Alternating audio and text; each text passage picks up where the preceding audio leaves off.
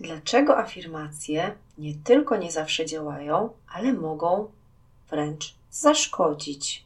Odpowiedzi na te pytania znajdziesz słuchając dzisiejszego odcinka. Zapraszam!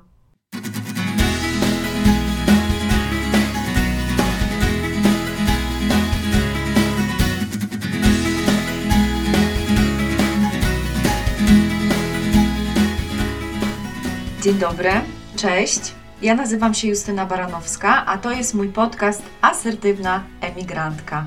Z zawodu jestem psycholożką, obecnie kształcę się również w zawodzie psychoterapeutki w nurcie poznawczo-behawioralnym. Od 13 lat sama mieszkam na emigracji. Najpierw mieszkałam w Holandii, obecnie kontynuuję w Niemczech dalej podróż zwaną życiem. A ten podcast dedykowany jest wszystkim osobom, które interesują się tematyką związaną ze zdrowiem psychicznym, ale również tym, jak może wyglądać i z czym zmagają się rodacy, którzy zdecydowali się na życie na emigracji. Serdecznie zapraszam. Cześć, witam Cię serdecznie w kolejnym odcinku mojego podcastu Asertywna Emigrantka. W poprzednim odcinku zrobiłam przegląd najpopularniejszych według mnie nurtów terapeutycznych, po to, żeby jeśli myślisz o psychoterapii, zobaczyć, jakie masz przed sobą jej rodzaje do wyboru. Być może ten odcinek ułatwi Ci wybór. A w dzisiejszym odcinku temat dość kontrowersyjny, ponieważ myślę, że z wielu stron docierają do nas takie informacje, że jeżeli będziemy myśleć pozytywnie, jeżeli będziemy afirmować czyli powtarzać pozytywne autosugestie, to dzięki temu będziemy czuć się lepiej, nasze mm, życie będzie wyglądało zdecydowanie inaczej niż do tej pory i ogólnie będziemy pływali w tak zwanym dobrostanie. No a ja mówię, że afirmacje nie tylko nie zawsze działają, ale mogą wręcz zaszkodzić. Jeśli jesteś ciekawy, ciekawa mm, tego, co mam na myśli, to zapraszam Cię do wysłuchania dzisiejszego odcinka. Zanim przejdę do odpowiedzi na postawione pytanie, to zacznę od takich podstawowych założeń nurtu poznawczo-behawioralnego. Otóż przedstawiciele tego nurtu zauważyli, że każdy z nas posiada w pakiecie coś takiego jak przekonania kluczowe. Te przekonania kluczowe kształtują się w nas od najmłodszych lat na bazie doświadczeń z najbliższymi osobami, czy z wydarzeniami, które spotykają nas na naszej drodze. I jak się pewnie domyślasz, w zależności od tego, jak wyglądają nasze relacje albo jakie wydarzenia spotkaliśmy w tych najmłodszych latach, możemy wykształcić te przekonania bardzo różne. Jedni z nas będą mieli przekonania raczej pozytywne, że jesteśmy na przykład kompetentni, jesteśmy kochani, jesteśmy bezpieczni, a ludzie, którzy znajdują się w naszym otoczeniu, są raczej godni zaufania. Jest również druga strona medalu, jak to w życiu bywa. Na bazie nieprzyjemnych doświadczeń, jeżeli te relacje w ciągu naszego życia niekoniecznie były wspierające, możemy wykształcić e, przekonania typu: jestem niekompetentny, jestem gorszy, a ludziom nie można ufać. Świat jest zagrażający i tym podobne. Na bazie przekonań kluczowych powstają przekonania pośredniczące, czyli takie nasze założenia na temat tego, jak powinniśmy na przykład w życiu postępować. Więc na przykład taka osoba, która myśli o sobie, że jest niekompetentna, jeżeli takie jest na przykład jej e, kluczowe przekonanie, być może jej przekonaniem pośredniczącym będzie takie jak na przykład jeśli nie mogę zrobić czegoś idealnie, to lepiej w ogóle nie zabierać się do pracy. Lub jeśli coś wydaje się za trudne, to lepiej w ogóle się tego nie podejmować. Mamy przekonania kluczowe, mamy przekonania pośredniczące, teraz czas na myśli automatyczne. Myśli automatyczne towarzyszą nam na co dzień, ale jak to e, w życiu bywa, nie zawsze jesteśmy z nimi w kontakcie, a raczej bardzo rzadko jesteśmy z nimi w kontakcie. I te myśli automatyczne powodują, że pojawiają się jakieś emocje. I jak intuicja tutaj podpowiada, jeżeli te myśli automatyczne są sprzyjające, no to raczej doświadczamy takich przyjemnych emocji, a jeżeli te myśli wspierające nie są, no to nasz stan emocjonalny również nie należy do najprzyjemniejszych. Jak więc powiedziałam, myśli automatyczne, które powstają na bazie tych przekonań kluczowych, mogą nieźle naszkodzić w naszym życiu, prowadząc nawet do różnych trudności natury psychicznej. Jeżeli chodzi o terapię poznawczo-behawioralną, to ona faktycznie zajmuje się modyfikacją zarówno tych myśli, tych niesprzyjających myśli, jak również zachowań, które pojawiają się w odpowiedzi na to, co o sobie myślimy. Mogłoby się wydawać, faktycznie, zacznijmy myśleć o sobie dobrze, a wtedy wszystko się zmieni. No niestety, gdyby to tak miało działać, to by było za proste, a terapeuci i psycholodzy nie byliby w ogóle potrzebni. Modyfikacja myśli nie jest wcale takim prostym zadaniem.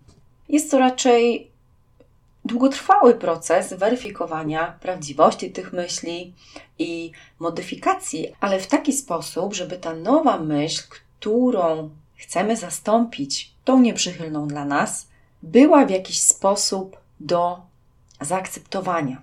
Terapeuci poznawczo-behawioralni często pytają się przy tworzeniu właśnie tych takich wspierających myśli, na ile w tą myśl dana osoba wierzy, na ile procent. I jeśli taka osoba odpowie, że wierzy w tą myśl tylko na 30%, to wtedy jakby szukamy myśli, która jest wspierająca, ale która będzie się również dla tej osoby wydawać bardziej wiarygodna. Także, żebyśmy byli jak najbliżej tych 100%. To jest naprawdę bardzo duży skrót tego, jak może wyglądać praca w nurcie poznawczo-behawioralnym odnośnie zmiany właśnie tego, w jaki sposób myślimy o sobie, o innych i o świecie. I teraz po tym krótkim wstępie możemy wrócić do tematu afirmacji. Afirmacje zazwyczaj mają taki bardzo pozytywny wydźwięk. Zazwyczaj jest tak, że brzmią one: Jestem w pełni sił, wyglądam dobrze, zasługuję tylko na dobre rzeczy, otaczają mnie tylko e, przyjaźni ludzie, mogę ufać innym, albo mam wokół siebie tylko osoby, którym mogę ufać. I teraz wyobraźmy sobie, że taka osoba nosi w sobie przekonanie, że jest gorsza, a innym ludziom raczej nie można ufać.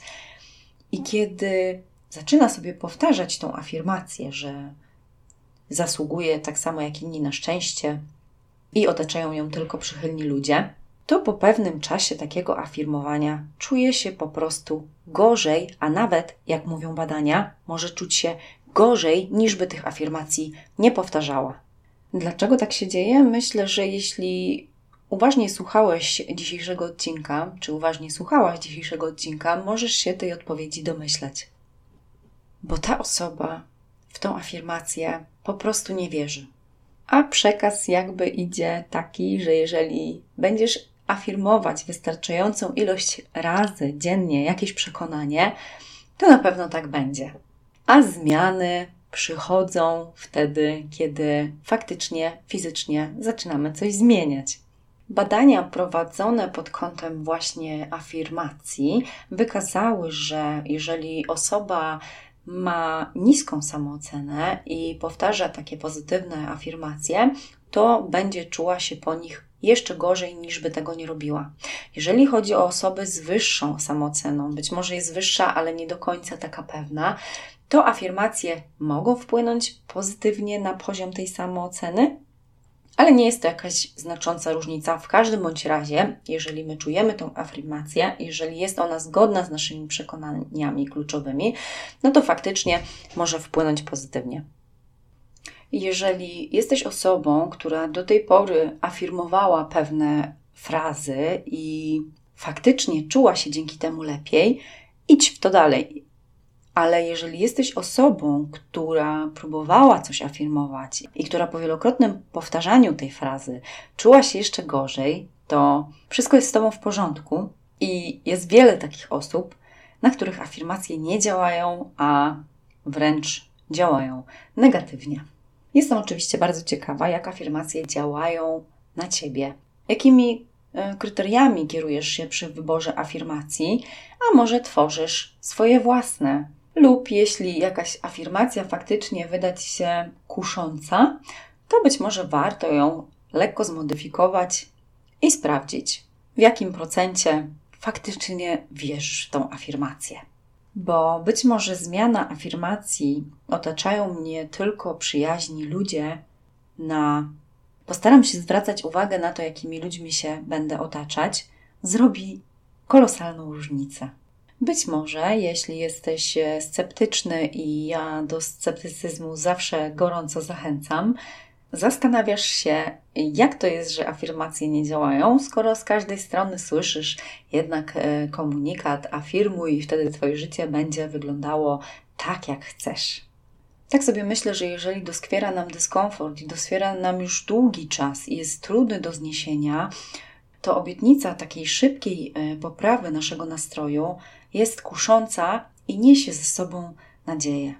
Dlatego być może tak bardzo chcemy wierzyć w siłę autosugestii. I tak sobie myślę, że nie ma w tym nic złego, ale szukajmy takich sposobów, które faktycznie pomogą nam nauczyć się myśleć o sobie w bardziej przychylny sposób. I tym sposobem kończę dzisiejszy odcinek. Jak zwykle zapraszam Cię do obserwacji moich kont na portalach społecznościowych. Na Instagramie znajdziesz mnie pod nazwą Asertywna Emigrantka, natomiast na Facebooku Justyna Baranowska, polski psycholog. Bardzo dziękuję Ci za dziś i do usłyszenia za tydzień, a już za tydzień, jak to bywa na początku każdego miesiąca, historie emigrantek. Do usłyszenia.